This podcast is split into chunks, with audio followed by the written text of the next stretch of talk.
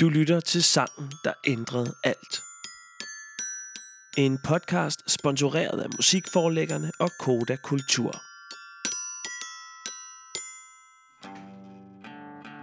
Sange ændrer vores liv.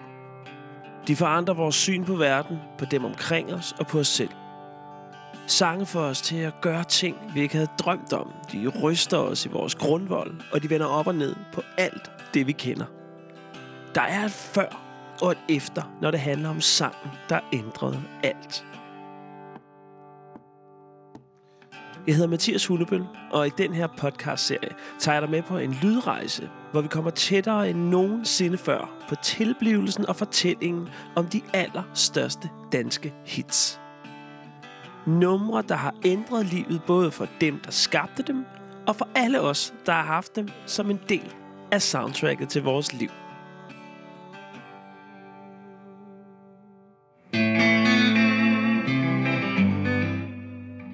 Og i dag, der er jeg taget hjem for at snakke med faktisk den øh, mand, som du kan høre, der står og hygger sig med sin guitar lige nu. Han hedder Jakob, og lige siden jeg fik min første guitar som seksårig og opdagede den verden, der gemmer sig i rockmusikken, der har han været min danske yndlingsgitarrist. Og hvis der er én ting, som Jakob muligvis er den bedste i kongeriget til, så er det at skrive riffs. Og du kender helt sikkert det her.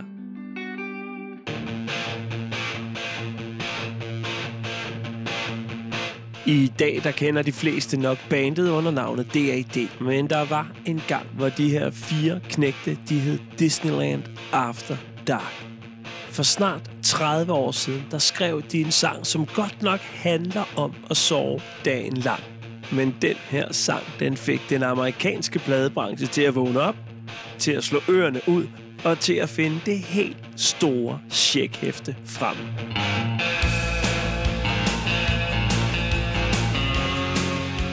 Den tid, vi skal tilbage til, der bestod Disneyland After Dark af Peter på trommer, Stig på bas og brødrene Jesper og Jakob Binser på henholdsvis guitar, og vokal og lead guitar.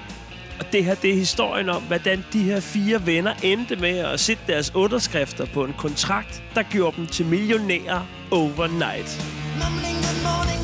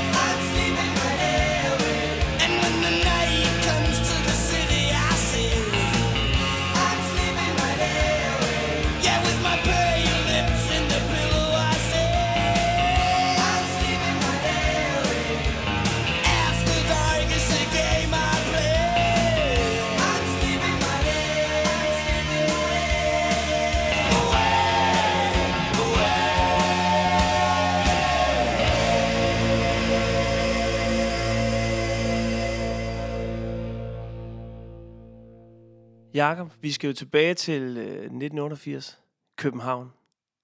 Hvor er vi henne? Det er meget 80'erne. Ja, Altså, det er jo mere 80'erne i 88, end det var i 84. hvordan det?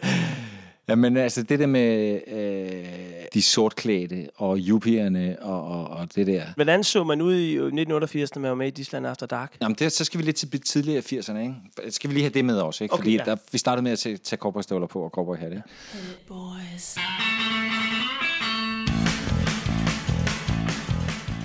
De fleste danske musikelskere har en øh, ret god idé om, hvordan det, det de egentlig lyder. Men sådan her lød D&D faktisk på åbningsnummer til deres øh, debutplade fra 1986.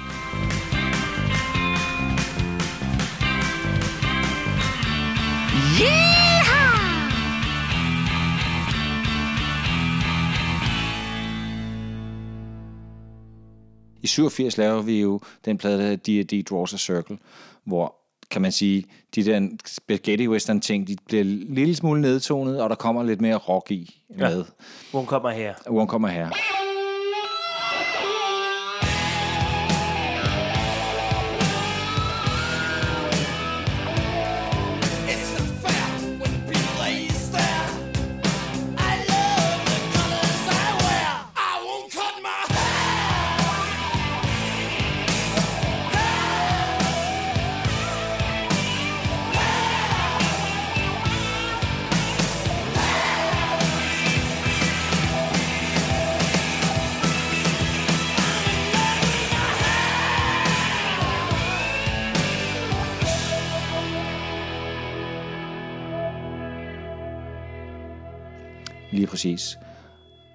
88 tager vi et skridt videre, væk fra øh, spaghetti western.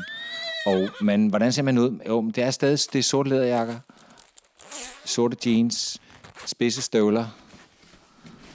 Og øh, ja, så, det, så, så lader vi håret gro igen, ikke? Altså, vi skal være langhåret. Nu nævner du selv de her spaghetti western elementer. Den første D.A.D. vinyl, jeg husker, det var min stormor, der fik den, der hed Special. Mm. Som vel egentlig var en slags greatest hits, eller hvad? Det var det. Det var en opsamling, som blev lavet af det pladselskab, som vi forlod i 88. Mega Records, hvor vi lavede vores to første plader øh, og en maxi-single. Og de synes lige, de skulle vride øh, citronen en gang, ikke? Så de udsendte den der faktisk, uden vi var med. Okay. De spurgte lige, kunne vi bruge det her billede og det her billede? Ja, okay, så. Det er fede billeder. I står på en, øh, I står på en tømmerflod og leger med sådan nogle øh, meget gamle geværer og sådan noget. Ja. I was out in the wild, trying to catch some supper. Vi har brugt utrolig meget tid på den fotosession. En, en sø ude på Sjælland et sted, hvor det var vores gamle ven Robin Skjoldborg, der var med ud at tage de billeder. Og masser af rekvisitter, men vi brugte dem aldrig. Men de lå i arkivet, og så tog Mega Records dem frem til at lave D&D Special der, ikke?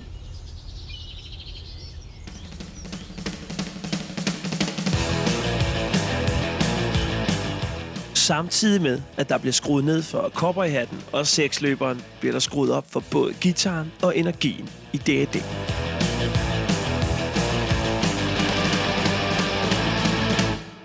Men så lad os lige hoppe til 88, fordi der sker jo noget i 88, både i forhold til jeres lyd, i forhold til jeres look, men også i forhold til, hvor bredt man kom ud, hvor stor man var. Prøv lige at sætte scenen. Hvor, hvor, hvor er det, I mødes i 88, når I spiller? Vi har et øvelokale i Lavendelstræde i en kælder. Længere op i det hus, der lå øh, en natklub, der hed Madame Arthur, som var en, øh, et bøssediskotek, homodiskotek. Og Og der var tryk på det. der var tryk på, og det var legendarisk sted. Altså, første gang, der blev taget poppers i Danmark, det tror jeg har været der, ikke? Ja. Og bøssekabaret, og jeg ved ikke hvad, ikke? Altså, det var jo et legendarisk sted, hvor der kom alle mulige typer. Der var jo folk, folk i området, kan man sige, ikke? Altså, og Grandbiografen lå lige om hjørnet. Ja. Og hvor vi, øh, det var vores toilet. Det var, op, det, det var deroppe i Grand, fordi der behøvede man ikke at spørge nogen. Der kunne man bare sådan gå lige ind ad døren lige ned i kælderen. Ikke? Ja. Fordi vi havde ikke noget øh, toilet i vores øvelokale. Men altså, det der øvelokale, det var en kælder, som var fugtig, og det var beton, og det var, det lød af helvedes til. Og vi stod og spillede psykopat højt dernede. Ja. Der var begyndt at komme øh, band som Danzig og øh, The Cult og sådan noget, der spillede sådan lidt mere enkel rock. Særligt et finsk band, der hed Smack.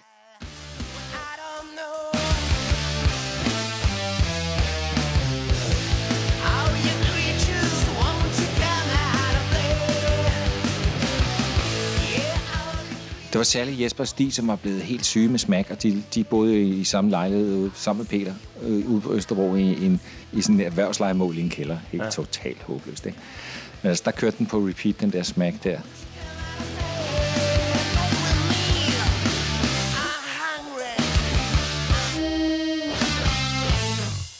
Men hvor store er D.A.D. på det her tidspunkt i Danmark? Fordi I har jo spillet Orange Scene i 86, ikke også? Ja.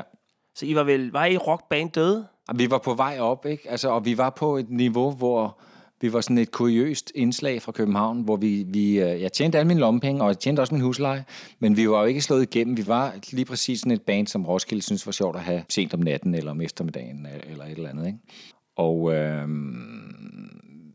vi begyndte at få de der danske festivaler, som var sådan lidt progressive, ikke? Men altså, vi kunne jo ikke... Vi blev også hyret til sådan nogle sjove... Øh, øh, fordi vi var, et, et, vi var jo et, et festligt indslag. Ja. Så nogle af de der... Øh, Sådan et udklædningsband også. Ja, så de der elevråd ude omkring i uddannelsesinstitutionerne, de synes jo også, det var sjovt at høre os til deres fester. Så vi spillede på Næstved Gymnasium og Handelsskolen i Aarhus og sådan noget. Ikke? Det tjente vi jo penge på. Vi kender jer jo i dag som bandet, der altid har, har lidt at været med. Hvad havde I med dengang? Var det bare et par cowboyhatte, eller havde sådan et par swingdør fra en saloon på scenen? Ja, men det sgu lige før. Ikke? Vi havde, øh, vi havde trommepodi bygget af krydsfiner og forskallingsbrædder. Altså, øh, Er det, det, er det, det man kan se på 88-optagelserne fra Roskilde? Uh, jeg kan vise dig, jeg har faktisk billedet her. Fedt. Okay, det er godt det her. Nu går vi simpelthen i gemmerne der. Yes. Må jeg prøve at se? Ja, der er et billede her, hvor øh, I sidder på en scene. Og oh, der er skiltet Good Clean Family Entertainment You Can Trust, som ja. så genopstår på jeres øh, opsamlingsplade. Ja. lidt senere. Ja. Ej, det er fedt det her. Og øh, Ej, hvor er det godt. det her, hvad kan man se, vi har lysbuen med, som er lavet sådan nogle aluminiumsprofiler, og så med, med fatninger skruet fast. Og det var sådan en løbelys, sådan tivoli ikke? Men altså, vi var ikke til at skyde igennem, Nej. når vi kom med det der setup. Altså, det kan jeg da godt love dig. God aften, vi hedder Disneyland After Dark. Er I til noget? For det er vi. Øh, vi har taget et nyt nummer med. Men hvad sker der så i det der øvelokale, i den der fugtige kælder under øh, bøssediskoteket der? Vi, øh, altså, lyden af, når vi øver sammen, det begynder at sådan gå derhen af, at det skal være lidt tungere og lidt hårdere. Der skal være lidt mere styr på. Det skal være mere rock, ikke så pjattet, øh, med, som det har været tidligere. Og øh, helt firkantet sagt, ACDC, øh, riff og Hank Marvin Shadows øh, melodi, guitar. Ja. Kombinere de ting.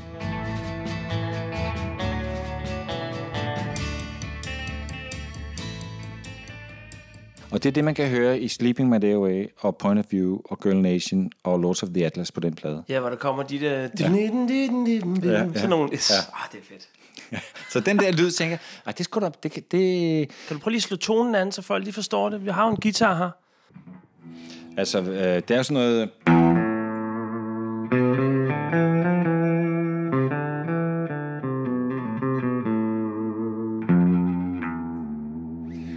den stil, ikke? Og meget melankolsk i tonen i virkeligheden. Ja. Vi elskede jo Ennio Morricones øh, soundtracks, ikke? Og øh, plus, at vi øh, kommer fra punk og Ramones og godt kan lide DC og så videre. Så alle de der elementer, det er ned i en stor bøtte og rører det rundt, ikke? Og så kan jeg fortælle dig, at My Day Away, det startede med det her.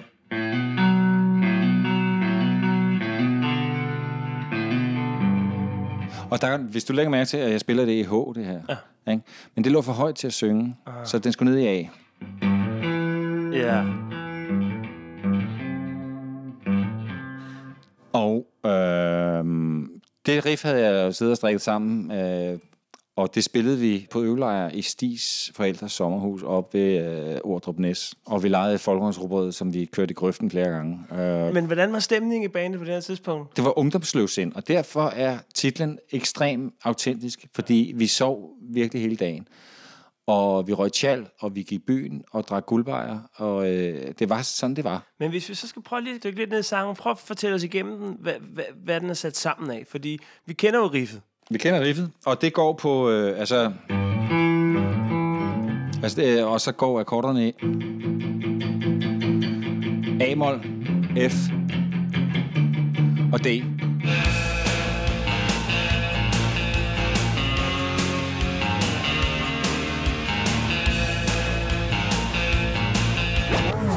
Og øh, det spillede vi på vores øvelejr i, i vi, kunne- vi kunne ikke finde på mere, men vi elskede det, så vi spillede og spillede og spillede hele natten. Og en ordentlig øh, chillum og spillede spillede igen. Og så spillede vi noget andet også. Og så lavede vi en lørdagskylling, og så sov vi til klokken 4. Så, så den nåede egentlig ikke længere. Det nåede ikke længere på Nej. øvelejren, nej.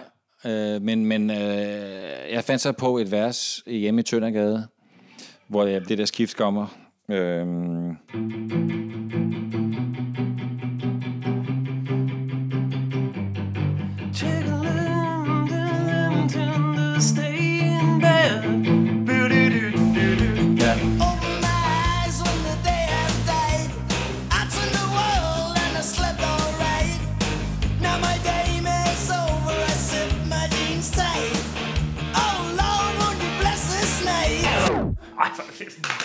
sådan er det. Ja, ja, det er fedt. Og jeg havde sådan øh, udkastet til melodien, ikke, som var bare...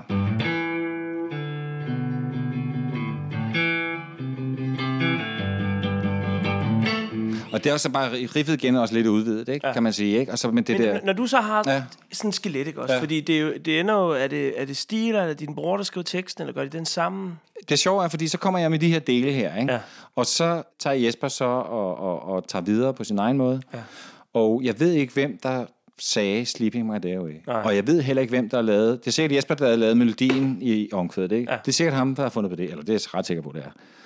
Og så kan man sige, at så kan det godt være, at jeg kommer med alle klodserne og temaet og så videre, men hvis der ikke var nogen, der havde sagt, ah, I'm sleeping my day away, så var nummeret jo aldrig blevet det, det var. Men hvordan er det som, øh, som sådan riffmand og, og melodimand?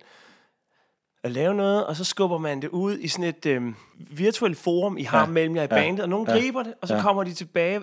Kan du huske, hvad du tænkte, da du så i øvrigt måske for 6.000 gang kører den i ring, og lige pludselig så synger han teksten.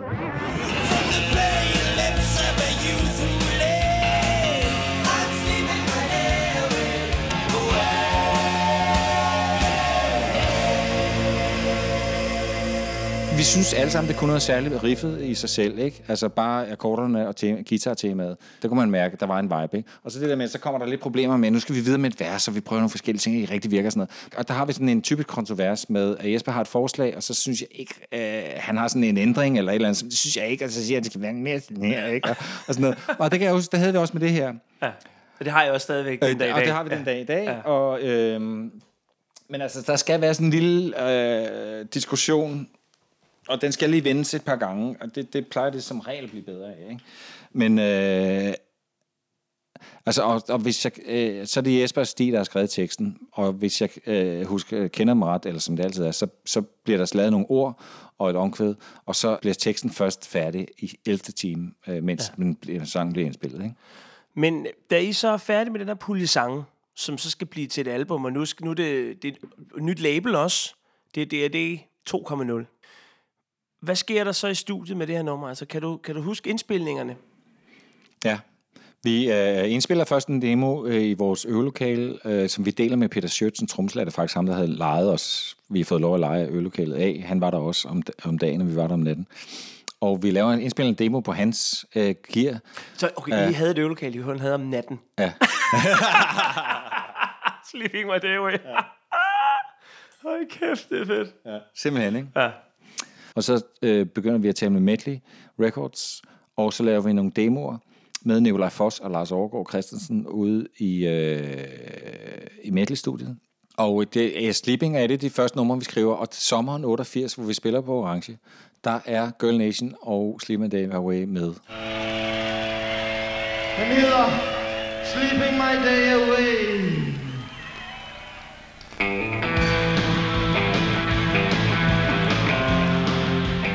Hvordan passer de nye numre ind med de gamle? Det var en naturlig forlængelse af, hvad vi havde lavet, og det var et helt rigtigt skridt at tage. Fordi det, det andet, det var jo lidt konstrueret og lidt intellektuelt, og så blev det mere... Det blev sgu mere øh, instinktborget, altså og energisk, kunne man mærke. Og det var også noget musik, der var tættere på os. Altså, vi, der fandt vi vores egen musik, kan man sige. Hvor meget af det, der var før, Der havde måske en distance, eller hvad? Ja, ja, der var helt klart distance, og det var ironisk, og det var sådan lidt øh, iscenesat. Og der kan man sige, No Fuel er helt klart der, hvor vi træder karakter med at lyde som os selv.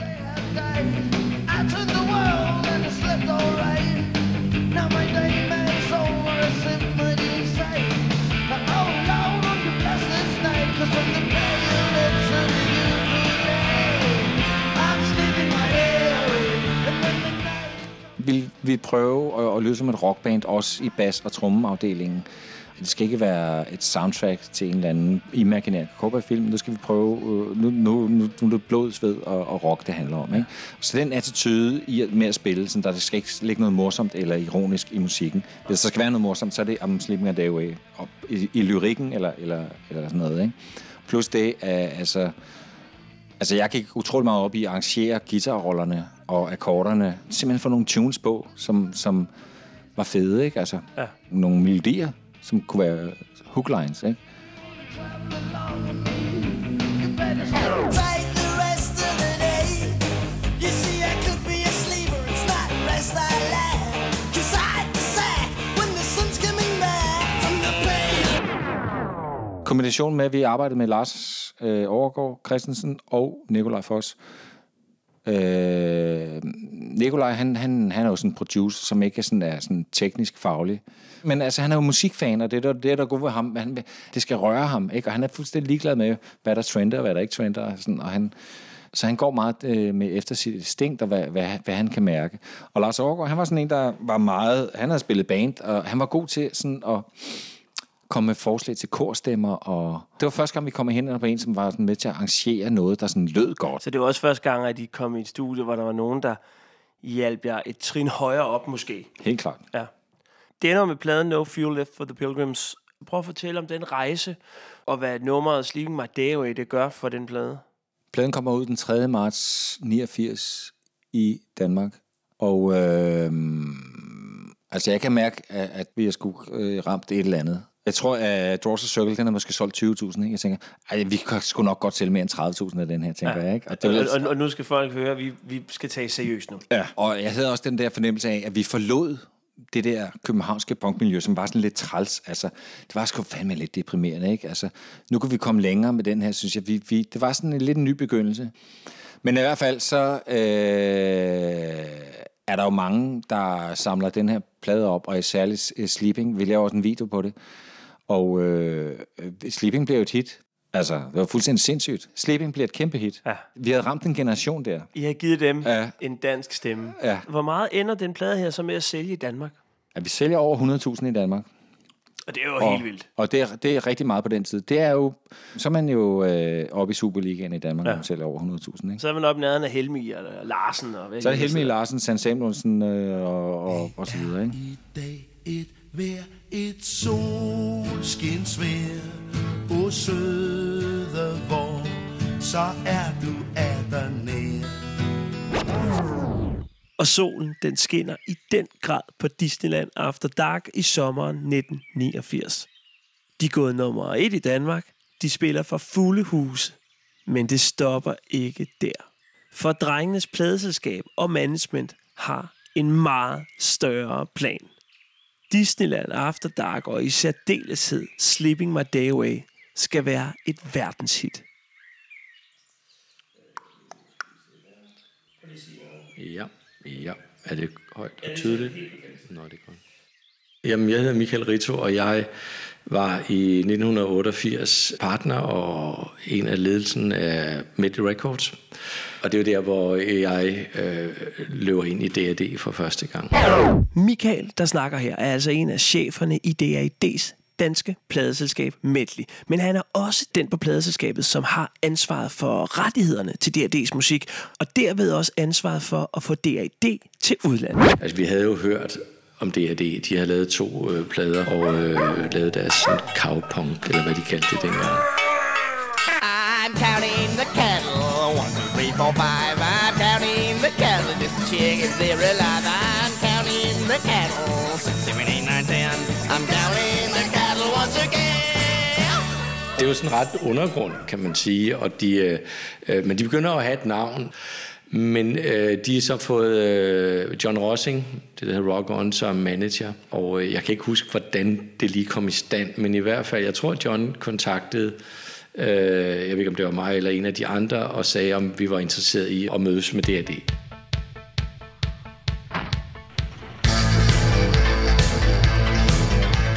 Vi havde det lille bit kontor ude på Skelmosevej ude i Valby.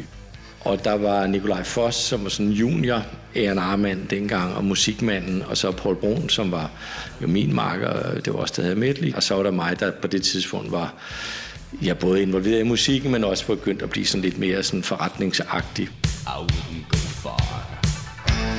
Da de der fire gutter, de trådte ind på kontoret, så tænkte jeg bare, fuck mand. Testosteron stod ud i lokalet, og de havde jo hår ned, og de kom med deres skateboards under armen. Og man tænkte, altså det, de, man, kunne- det var bare, altså der var så meget power i det der system på det der allerede dengang. Be my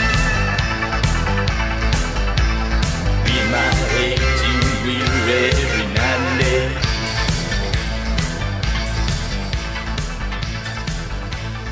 Og øh, så havde vi et møde med dem, og de var super ambitiøse og havde altså, ild i rumpetten, og vi ville rigtig gerne hinanden lige fra starten af. Der var super god energi, og jeg får så den der rolle af at skulle være med sammen med John til at, og, og prøve at sælge det. Og vi havde jo en plan om, at det her skulle være kæmpe hit i hele verden. Ikke? Der var ikke nogen af os, altså, der var i tvivl om, at Sleeping My Day Away var et kæmpe, kæmpe hit, og det kan man jo altså, høre det i dag. Og vi blev så også enige om, at vi skulle ikke bare udgive det i Danmark. Vi skulle simpelthen have den der sang, og, og der var jo også andre hits på den plade, rigtig mange, øh, at det skulle simpelthen øh, op på den internationale klinge. Så gik øh, jeg så i gang med rejsende musik, som jeg var dengang, og så, så turede jeg altså rundt i USA på store og små pladselskaber, og mente jo selv, at jeg havde øh, verdens 8. vidunder i kufferten. Og det har jeg prøvet før, og det var en del af det, jeg gjorde. Det var skide sjovt, og vi lavede en del sådan internationale ting dengang. Øh, jo mest ansporet der i starten af 80'erne, hvor vi lavede Laid Back og fik et kæmpe hit med Sunshine Reggae. Lige siden da havde det været sådan formuleret for os, at vi gerne ville prøve at arbejde internationalt. Men jeg kan huske hver gang, når jeg spillede det der nummer, og jeg tænkte, hvis de ikke de kan høre, at det her er et kæmpe hit, så skulle de fandme finde et andet arbejde. Men det var der sgu ikke nogen, der kunne høre. Der var ikke nogen, der ville have det. Og så måtte vi jo hjem og, og tænke, mm, så må vi jo ændre strategi, og så blev vi enige om, mm, så må vi jo selv lave. det."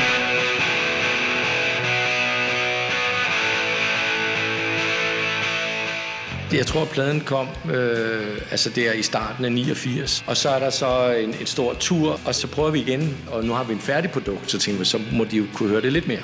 Selvom det nærmest var identisk med det, de havde hørt.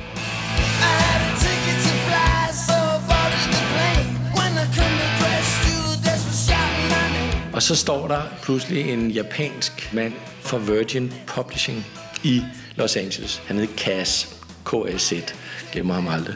Han stod på kontoret i Valby og sagde, at nu var han skulle lige fløjet ind, fordi øh, han havde altså hørt om det der D&D, det ville han fandme gerne høre. Og han var så kendt i branchen for at have virkelig gode ører. Og øh, han startede så det, der jo så blev en hype, som er fuldstændig absurd. Altså der øh, går det fra, at ingen vil have det her bane til, at samtlige pladselskaber på den vestlige halvkugle vil signe D&D. Female civilization. Og så begynder der altså at komme en flok af musikdirektører og A&R-folk og publisher, og vi prøvede sådan at holde tungen nogenlunde lige i munden og finde ud af, hvad søren gør man så. Nu havde vi en situation, hvor vi jo sådan set kunne vælge, hvem det skulle være. Og øh, Chris Wright, som faktisk ikke bare var ansat af Chrysalis, men ham, der ejede Chrysalis Records, som jo nu er opslugt, men var et meget stort selskab dengang. Han fløj et privat fly ind med 20 mennesker, tror jeg, til en koncert i Esbjerg. Så vi stod i Esbjerg. Altså, øh, jamen, øh, du tror, det er løgn. Det var fandme skægt. Nå, Chris, hvad, så, øh, hvad er det så værd, det her? Ikke? Og så blev der helt stille i lokalet. Ikke? Og så er han er den, så den første, der siger det berømte der. At han tror nok, det er nok omkring en million dollar, ikke? man kan få i dagens marked for sådan et band. Ikke? Og øh, prøver vi så alle sammen at holde masken, og vi sidder altså, og tænker, okay, det, det går sgu meget godt det her. Ikke? Men nu handler det også om, hvem der kan læse bandet rigtigt og kan gøre det rigtigt. Så vi vælger tre pladselskaber i New York og tre i Los Angeles. Og øh, så beder vi dem om at komme med en lanceringsplan, en strategi for, hvad de vil gøre, øh, og et oplæg til en kontrakt.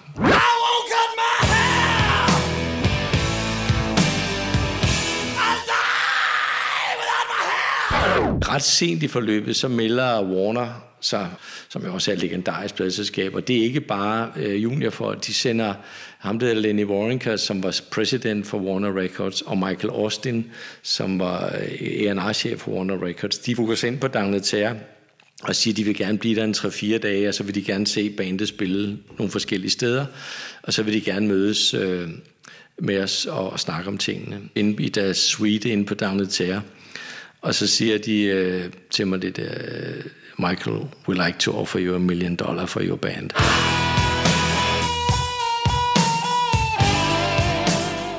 I mellemtiden kommer publishing så i spil, fordi vi har også publishing-rettighederne. Og så øh, får vi så dialog med Warner Publishing, og de, de er jo samme koncern, kan man sige.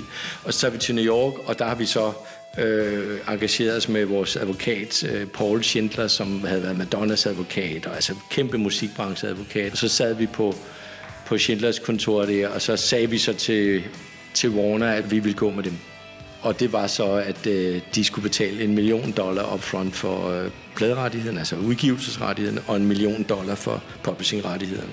Og så i øvrigt altså to albums firmed, som man siger, altså, som er sådan også et rigtigt musikbrancheudtryk. De kunne ikke bare udgive en single, og hvis det ikke gik, så var vi ude igen. De skulle committe sig til en langtidsplan og et stort marketingbudget og to albumudgivelser i USA og i resten af verden. Warner Music betaler altså D.A.D. og Danske Medley 1 million dollars for rettighederne til at udgive to albums med D.A.D. Men oven i det giver de altså også en million dollars for det, man kalder publishing-rettighederne. Og det betyder altså, at Warner de får lov til at placere D&D's musik i tv-serier, reklamefilm osv. osv. Men også, at øh, de fremadrettet kommer til at eje en vis procentdel af rettighederne til D&D's komponerede musik. De køber sig altså til del i det, vi i Danmark kalder kodapengene.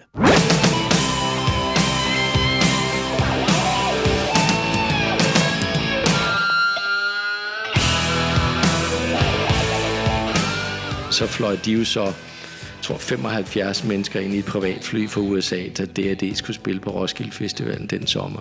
Hvor vi så winede og dinede dem, og det var så øh, radiostationer og Rolling Stone Magazine, og altså you name it, blev fløjet ind til til D&D-koncert på Roskilde Festivalen. Og vi havde en fest den sommer, det vil jeg sgu gerne.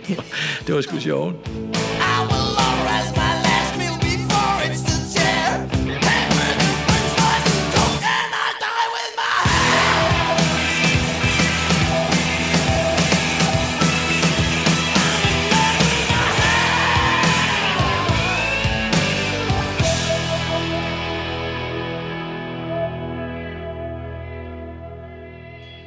Og så drager Disneyland After Dark til Amerika. Det starter med, øh, at de arrangerer øh, en showcase-tur, hvor man så spiller hver tredje dag i de store byer. Øh, New York, Dallas, øh, Chicago, Minneapolis, San Francisco, øh, Phoenix og, og Los Angeles. Vi bliver enormt godt modtaget. Vi bliver kørt i limoer. Altså, man skal tænke på, der var så mange penge i pladebranchen dengang, som der aldrig har været siden. Vi blev jo båret på hænder og fødder, og der var staff til alt. Ikke? Altså, Ja, ja. ikke? Og vi starter faktisk den, hele den her promotion tour på Warner Bros. Convention i Miami, hvor de så præsenterer nye acts og gamle acts. Altså, jeg sidder øh, ved et bord og får øh, svinekam og ser øh, Aerosmith øh, fem meter fra mig. Ikke? Så man har også bare været, okay, ja. this is fucking real. Ja, det er simpelthen, nu er vi, nu er vi med i det gode selskab. Ja. Og vi spiller Sleeping og Rima Fell om eftermiddagen, kan jeg huske, ikke?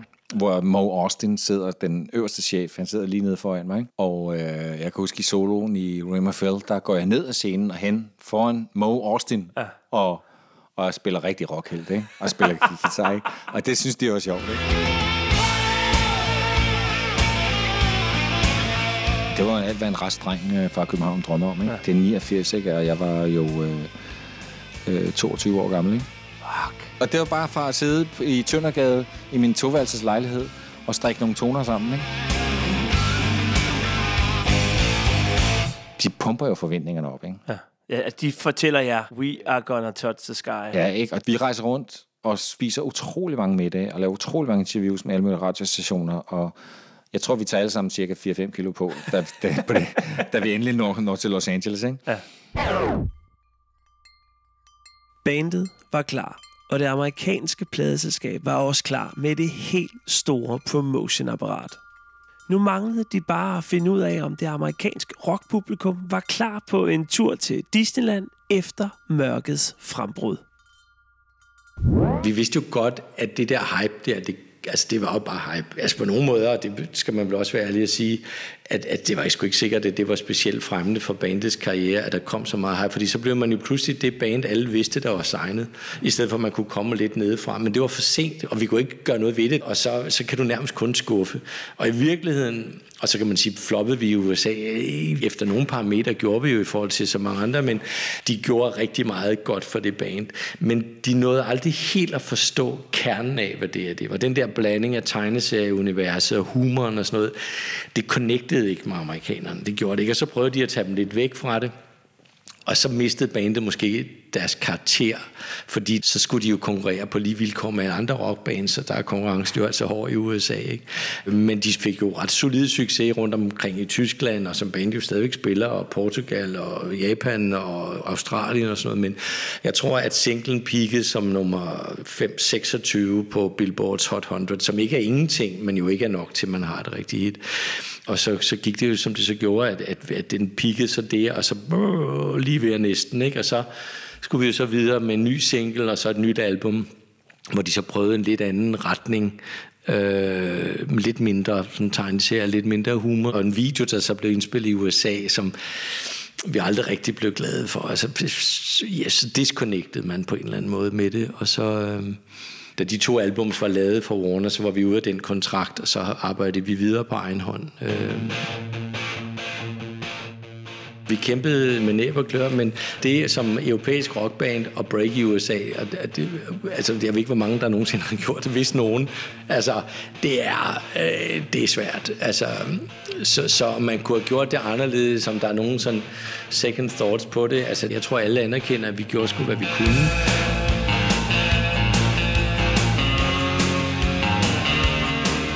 Bandet fik jo også trods alt en eller anden fornuftig øh, økonomi ud af det, fordi vi fik det der forskud, og så solgte vi jo mange plader i Danmark, og de turnerede jo i Danmark, og de havde nogle super gode sæsoner, som jo har været afsat for deres karriere, som de jo stadigvæk har.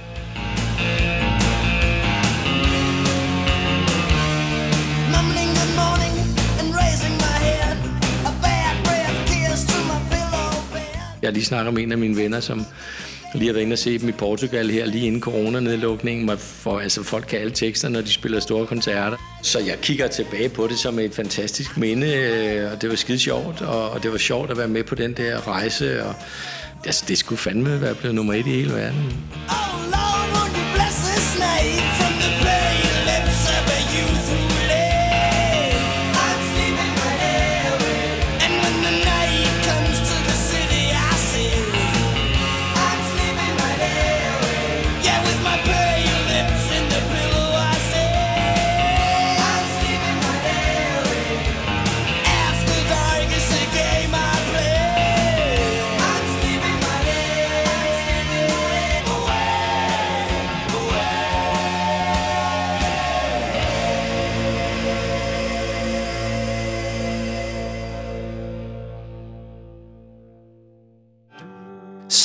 der ændrede alt, er en podcast sponsoreret af musikforlæggerne og Koda Kultur. I redaktionen sidder vi mig, Mathias Hunevøl, Christian Goldbach og Johannes Dybkjær Andersen, som er manden bag ideen og konceptet. Sangen, der ændrede alt, produceres af Mathias Hunebøl for Homeland og udgives af Radio Loud. Tak, fordi du lyttede med.